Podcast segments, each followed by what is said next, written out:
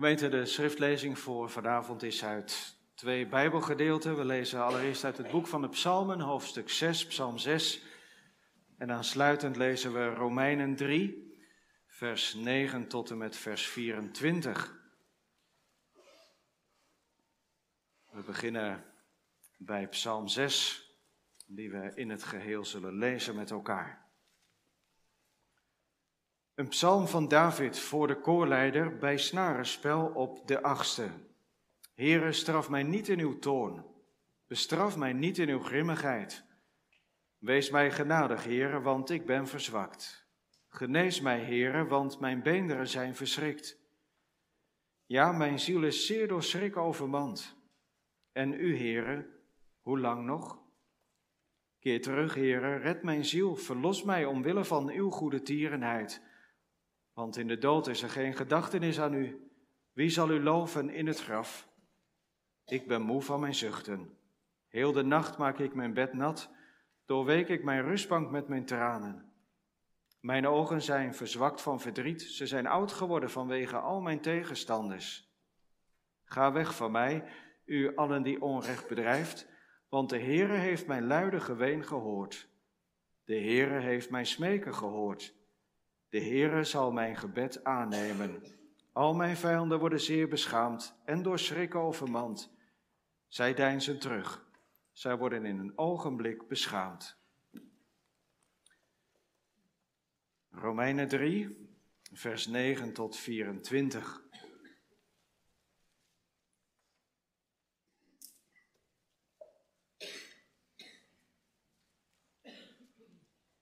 Wat dan wel?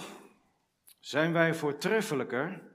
Beslist niet. Wij hebben immers zojuist en Joden en Grieken beschuldigd dat zij allen onder de zonde zijn. Zoals geschreven staat, er is niemand rechtvaardig, ook niet één.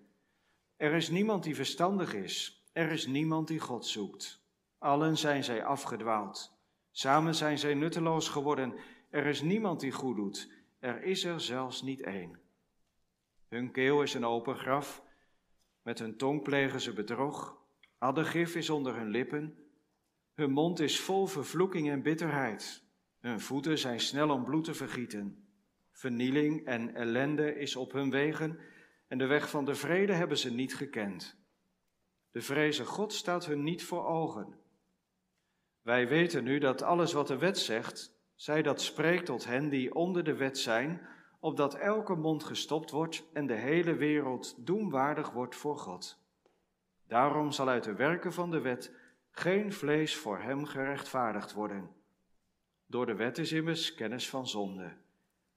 Maar nu is zonder de wet gerechtigheid van God geopenbaard, waarvan door de wet en de profeten is getuigd, namelijk gerechtigheid van God door het geloof in Jezus Christus tot allen en over allen die geloven want er is geen onderscheid.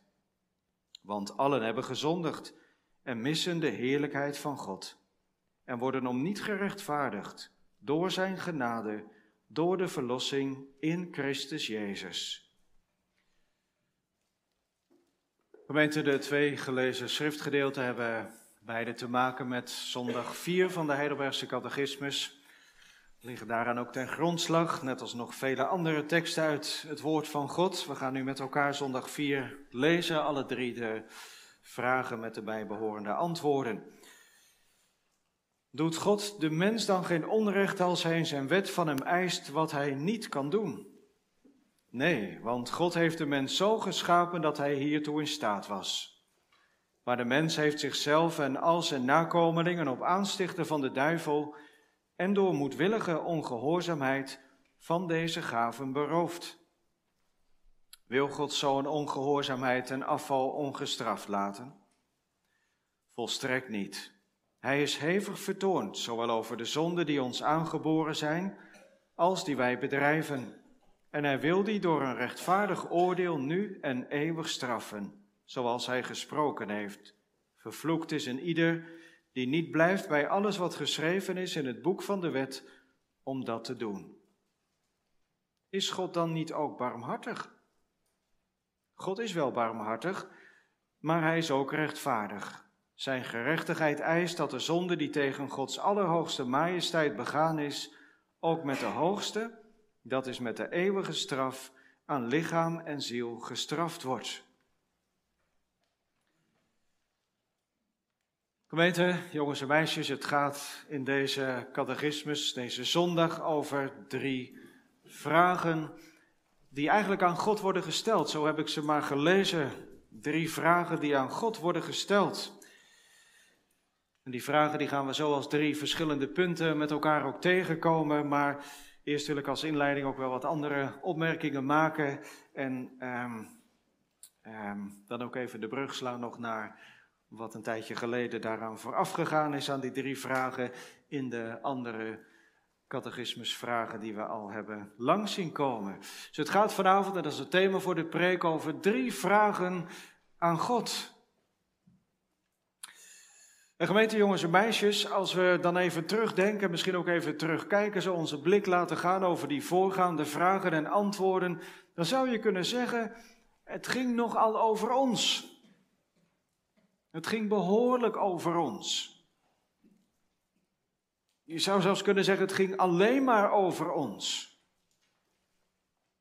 steeds weer werd als het ware de vinger naar ons uitgestoken, werden wij aangewezen en we kregen er stevig van langs. Waaruit ken jij je ellende? Wat eist de wet van God van ons? Kun je dat ook? God liefhebben boven alles en je naaste zoals jezelf. Dat is wat God van ons vraagt. Doe je dat? Nee. En dat terwijl God ons naar zijn beeld heeft geschapen. En dan die laatste, bijna verpletterende vraag van zondag 3. Zijn wij dan zo slecht helemaal niet in staat om iets goeds te doen voor de Heer? Met het eerlijke antwoord, ja, zo slecht zijn wij. Tenzij dat God ons door zijn geest opnieuw geboren laat worden. Goed gemeente, we zitten dus klem. We zitten dus klem. Wij hebben gezondigd tegen God. Maar is het nou nodig dat wij voor die zonde nou echt de maximale straf krijgen?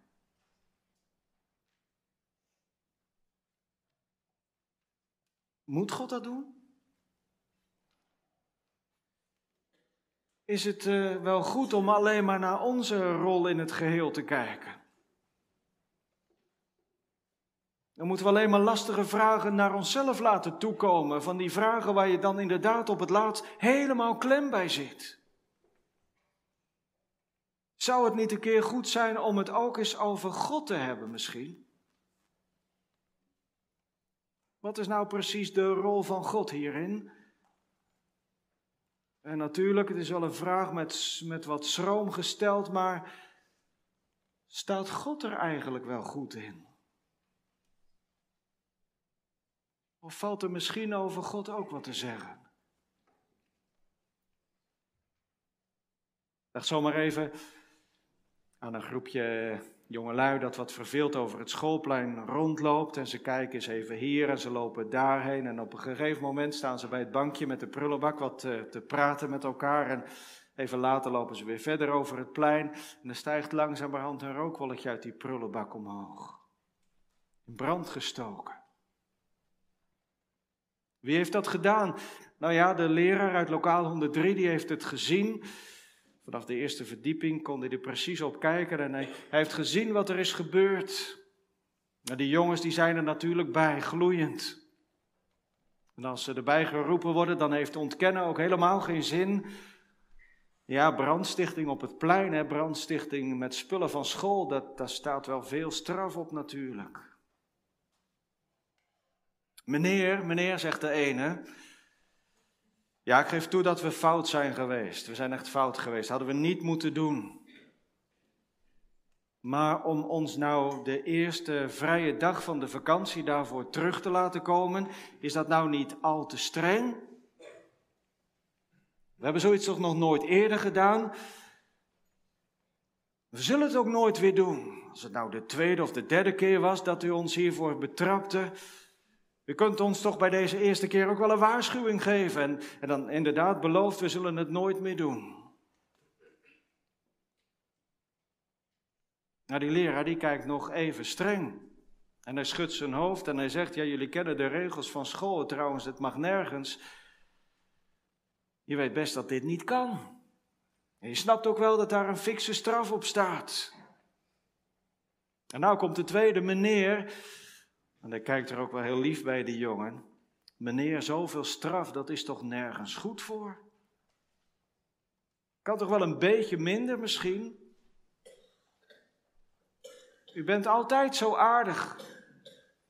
U bent de beste van de hele school.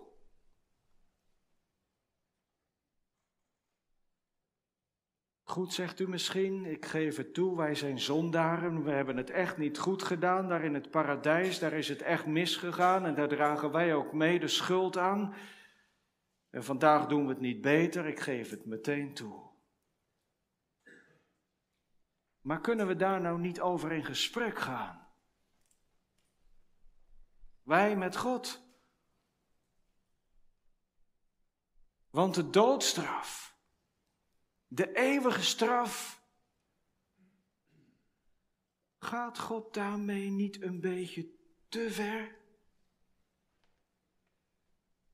Is dat nou niet al te streng van God? Als je kijkt naar wat er is gebeurd. Past dat eigenlijk wel bij God, zo'n straf? Is, is dat ook God? Gemeente de Catechismus komt eigenlijk met drie van dit soort vragen naar voren. Ze worden heel vaak vluchtpogingen genoemd, vluchtroutes, die dan door de catechismus ook worden afgesneden. En ik denk dat dat ook wel een terechte benaming is, hè? vluchtroutes, vluchtpogingen om toch maar onder die verdiende, verdiende straf van God uit te kunnen komen. Om, om te vragen als het ware om strafvermindering op zijn minst. Kan het ook wat minder? Ik denk dat het terechte woorden ervoor zijn. Hè? Vluchtpogingen, vluchtroutes. Maar ik hoor er ook wel iets in van een oprechte vraag van een catechizant die ook op zoek is naar een eerlijk antwoord. Niet speciaal om eronder uit te komen, maar, maar wel om de zaken helder te krijgen. Hoe zit het nou? En wie is God nou eigenlijk? En, en wat kan ik van God verwachten? Nou, zo komen de drie vragen die we uit de catechismus tevoorschijn zien komen in de komende drie punten ook naar voren. Drie vragen aan God, die er eigenlijk wat mij betreft omcirkelen Oh God, wie bent u nou eigenlijk? En die, vraag die vragen komen dan ook naar onszelf terug. Welk beeld heb ik eigenlijk van God? Wat is nou mijn, mijn godsbeeld? Hoe denk ik over God? De eerste vraag, en ik heb hem maar wat aangepast en ik heb, ik heb hem als vraag gesteld: God, bent u wel eerlijk? Bent u wel eerlijk? U vraagt van mij dat ik u lief heb en dat ik u gehoorzaam ben, dat ik u lief heb boven alles en dat ik mijn naaste lief heb zoals mezelf. Maar Heere God, u weet toch dat wij zondaren zijn? U weet toch wel van mij dat ik dat helemaal niet meer kan? Jongens en meisjes, als de juf met gym op school vraagt, nou moeten jullie allemaal meteen een driedubbele achteruitsaldo maken. En als je dat niet meteen goed doet, dan krijg je straf. Nou, ik denk dat de meeste kinderen schrikken, want dat is nogal een vraag hè, van de juf. Een driedubbele achteruitsalto, dat kan bijna niemand. En zeker niet in één keer als je nooit geoefend hebt. En dan zou je zeg je toch, ja, maar dat is heel oneerlijk van de juf dat ze dat vraagt. Dat kan ik niet. Is het ook niet eerlijk om er dan straf voor te geven? Ja, dat is ook heel oneerlijk. Het is ook heel onrechtvaardig. Maar stel je eens voor, jij hebt een vriendje En je vraagt aan je vriendje om een euro. Mag ik van jou een euro lenen? En je vriendje zegt, ja dat is goed, maar ik wil hem binnen twee weken wel van je terug. En hij geeft je die ene euro en je gaat meteen met die euro naar de winkel toe en je koopt een zak snoep en je eet die hele zak eet je in een dag leeg. En je vriendje wacht twee weken en die zegt, nou wil ik mijn euro terug. En jij zegt, ja, die heb ik niet. Ik heb hem versnoept. Ik kan hem onmogelijk aan je teruggeven. Ja, zegt je vriendje, maar we hadden afgesproken, je krijgt hem van mij, maar over twee weken wil ik hem terug en die twee weken zijn voorbij. Ik wil dat je hem vandaag teruggeeft. Vraagt jouw vriendje dan iets oneerlijks? Nee toch? Dat jij die euro kwijt bent, dat is toch jouw keuze? Dat heb je toch zelf gedaan? En dan vraagt de Heere God van ons dat wij Hem lief hebben boven alles en onze naaste als onszelf. En dan zeg jij, ja maar dat kan ik niet meer. En toch vraag ik het aan jou, zegt God. Elke dag van jouw leven, als je opstaat, elke nieuwe dag, vraag ik precies hetzelfde weer. Dat, dat je God lief hebt, dat je mij lief hebt boven alles en je naaste als jezelf. Vraagt God iets oneerlijks? Vraagt hij van ons te veel? Nee, want God heeft ons volmaakt goed geschapen. Toen wij als mensen geschapen zijn, Adam en Eva in het paradijs, zij konden God liefhebben boven alles. En hun naaste zoals zichzelf. Zo had God ons als mensen gemaakt. Maar wat deden wij?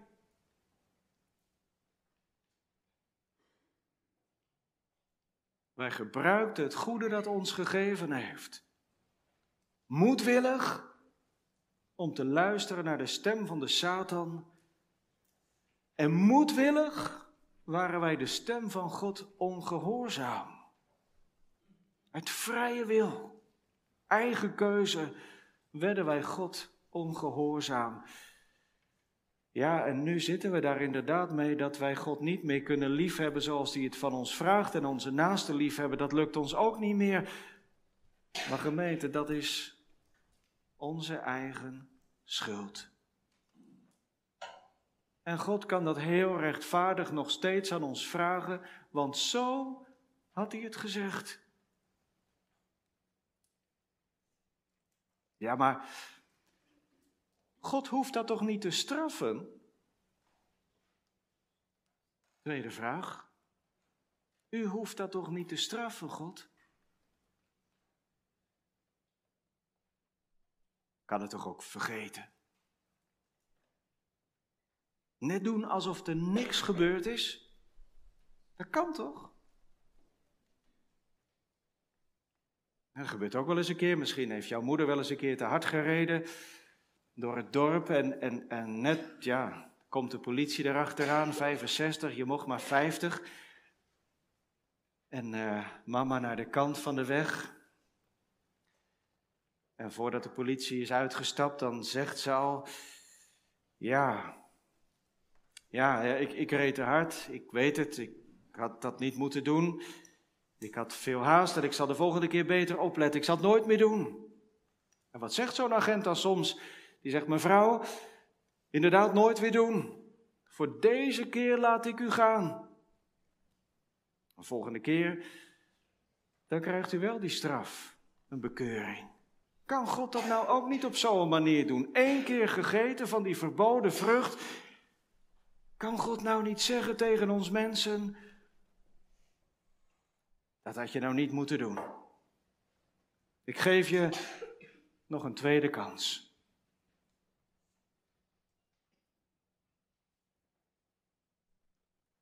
Gemeente, even naar uw hart luisteren. Dat, had toch gekund? Dat zou eigenlijk ook wel heel mooi zijn geweest van God als hij had gezegd, nou, nog een kans. Kom, kom, nog een, nog een kans. Mag nog een keer proberen om het goed te doen. Weet zouden wij dat niet heel mooi vinden van God?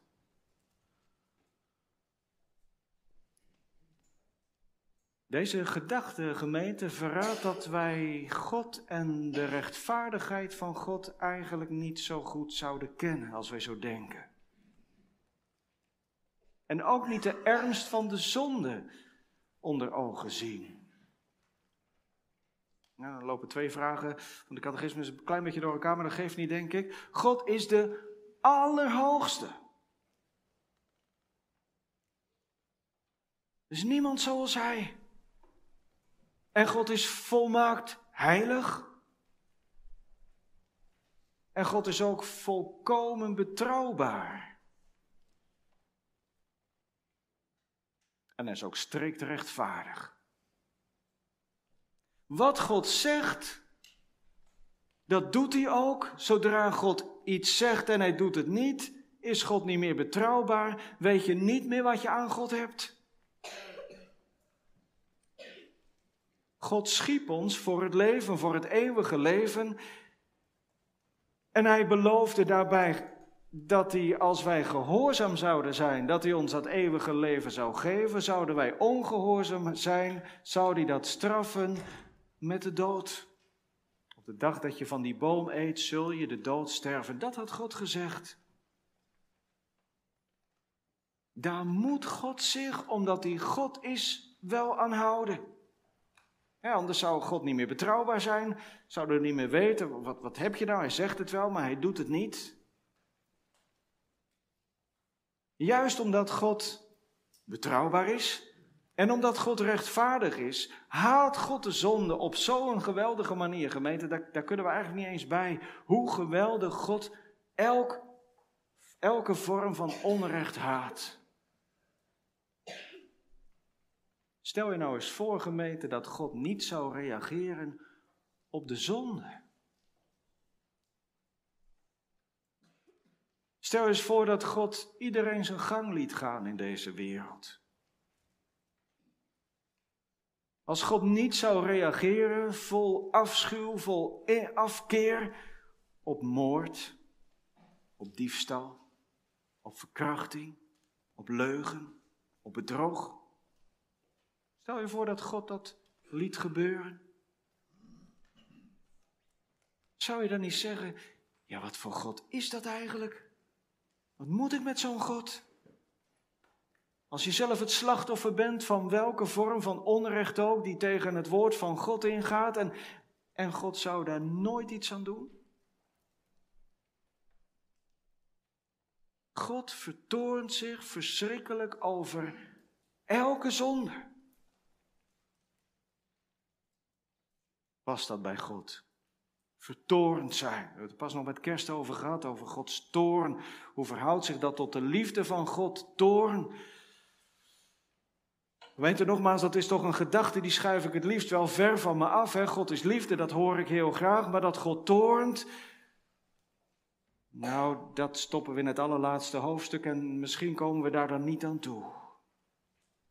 Gods toorn en de rechtvaardige, de eeuwige straf op de zonde.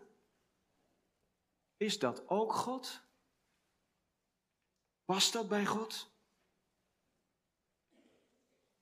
Of kan ik God misschien een beetje, een beetje aanpassen, zodat God wat aantrekkelijker wordt? Stel je nou voor dat we God is liefde laten staan en God toornt, daar hebben we het niet over. Weet, ik zei het al, die vragen van vanavond, die raken echt ons godsbeeld. Wie is God? Hoe denken wij over God? En dan komt dan meteen ook naar mezelf toe. Hoe denkt God over mij als zondaar? We horen altijd heel graag over een God die altijd bij je is, een God die voor je zorgt, een God die met je meegaat, een God die je laat je nooit alleen. dringt het ook tot ons doorgemeente dat God verschrikkelijk toornt over alle zonden. Over elke zonde die ik bega. En wij hebben het nog wel eens over een klein dingetje. Maar God heeft het zo niet over kleine dingetjes. Elke zonde. Met elke zonde die ik bega, trap ik de Allerhoogste God. Hij is geen mens en vergelijkbaar met ons, maar hij is de Allerhoogste, mijn schepper. Hij heeft mijn leven, mijn hele bestaan in de hand. Hij heeft mij gemaakt. Met elke zonde trap ik de Allerhoogste God op zijn hart. En dat roept om de rechtvaardige straf van deze God.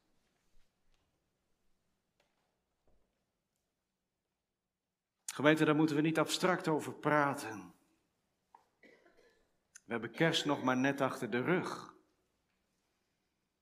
Jezus Christus kwam naar deze wereld. Onze wereld. Waarom? Paulus die schrijft het dan heel treffend. Jezus Christus is naar deze wereld gekomen. Waarom? Om ons te verlossen van de toekomende toorn. De Heer Jezus is naar deze wereld gekomen om ons te verlossen van de helse straf. Om ons weg te halen van de buitenste duisternis. En hoe doet hij dat? Door zelf in die buitenste duisternis neer te dalen.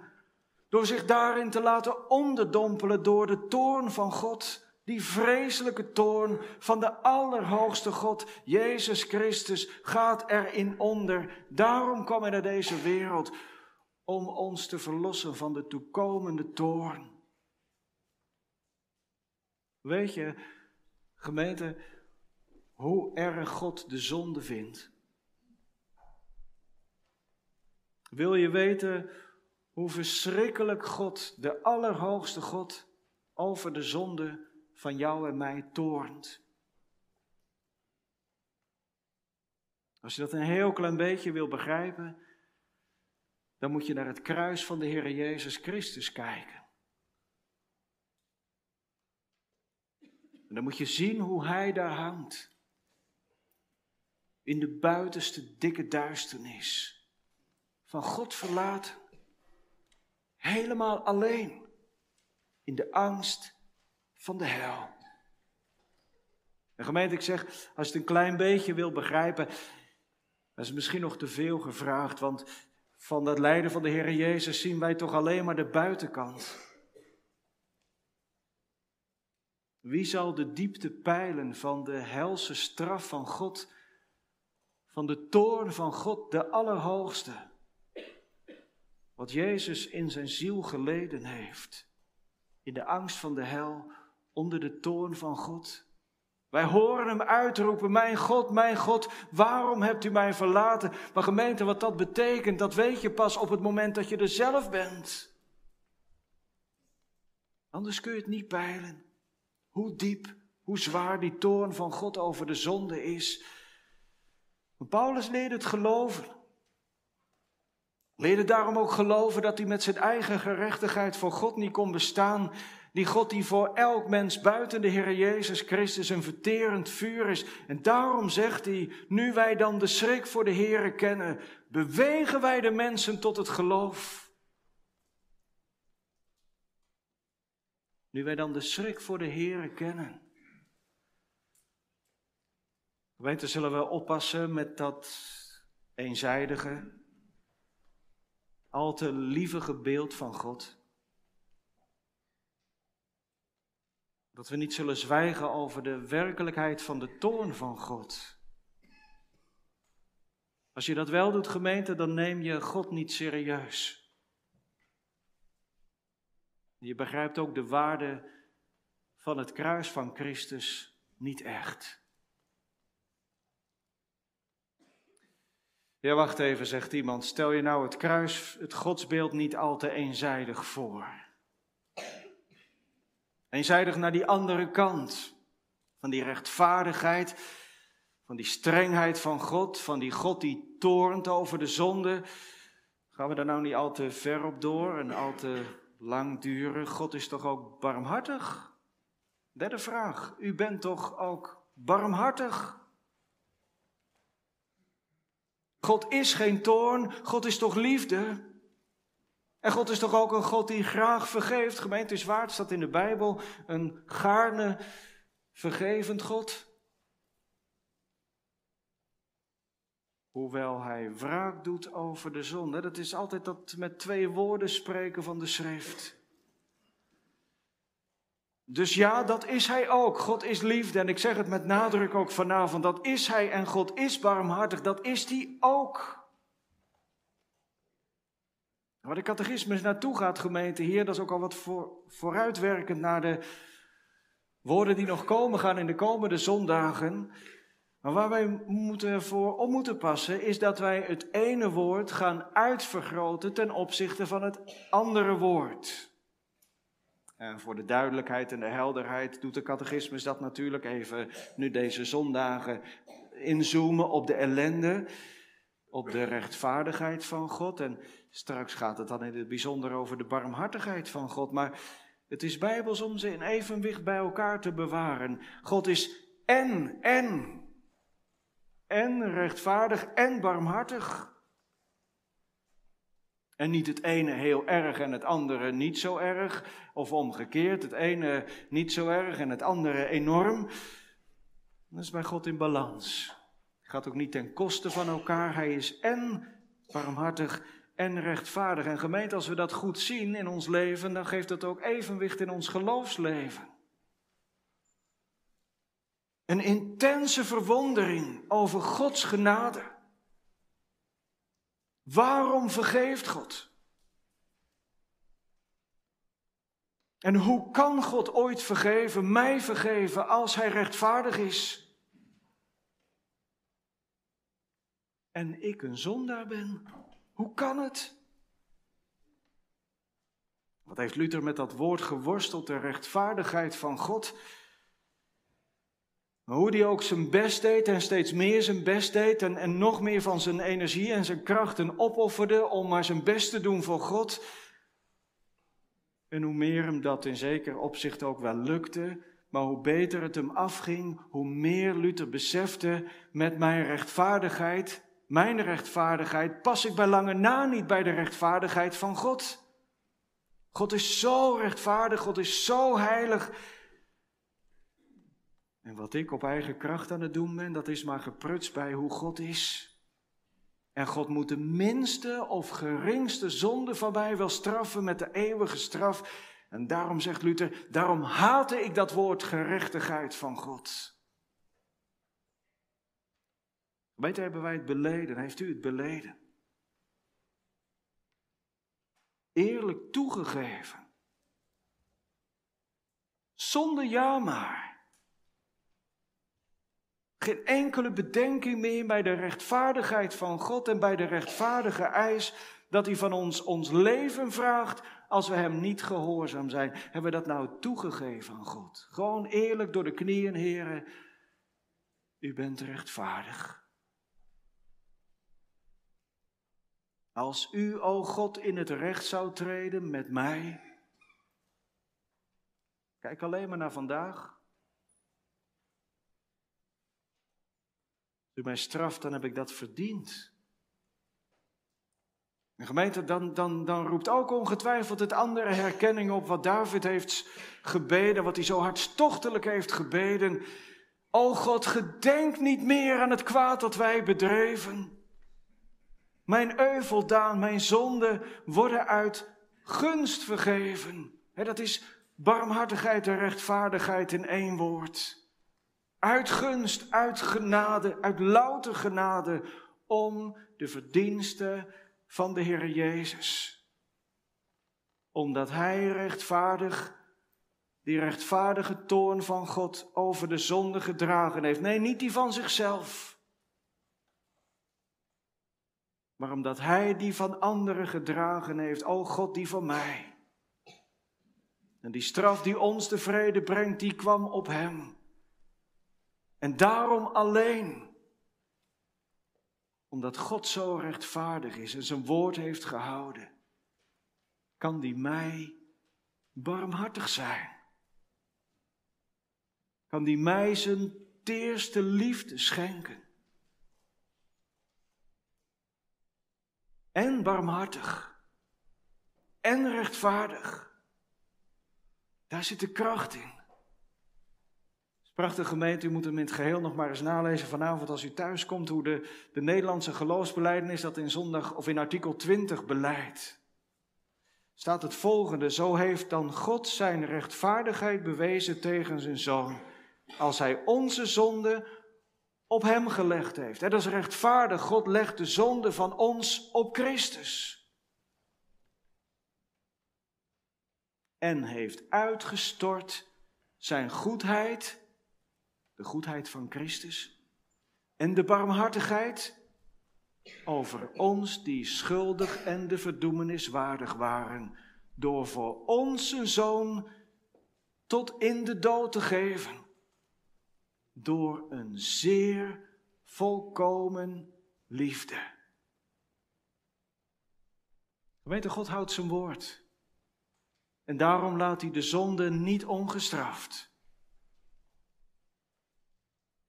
En dat beleiden we, als het goed is, elke keer weer op het moment dat we genodigd worden tot de tafel van zijn zoon Jezus Christus.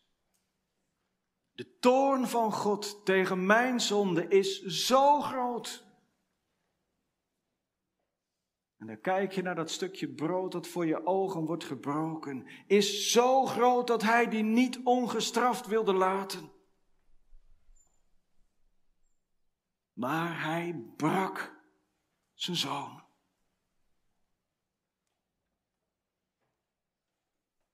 Hij strafte die aan zijn lieve zoon Jezus Christus met de bittere en smadelijke dood van het kruis. Gemeente, zo serieus neemt God mijn zonde. En als je dan kijkt naar dat gebroken stukje brood, gemeente, dan word je toch klein. En die gedachte die houdt je toch ook heel nederig? Want ik kom elke keer weer naar die tafel als een zondaar.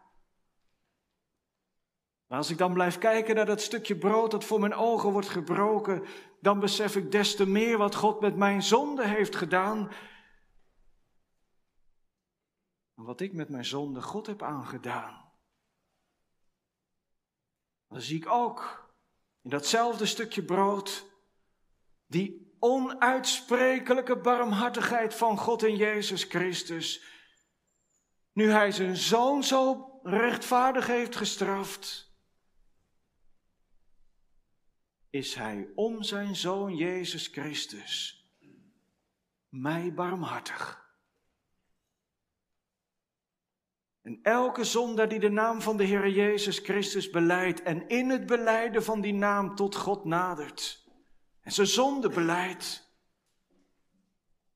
die neemt hij om Christus wil aan als kind.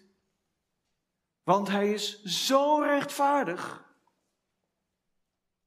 Als hij de zonde in zijn zoon gestraft heeft, straft hij die zonde niet nog een keer in mij als ik mijn hand op zijn zoon leg. Hij straft de zonde geen twee keer. De gemeente, dat is de ernst van deze zondag. Of je draagt het zelf. Want God is rechtvaardig. Dan zink je er ook voor eeuwig onderweg. Of Christus is voor mij gestorven. Heeft gena voor mij verworven. En ik ben van schuld en zonde vrij. Om Jezus wil. Amen.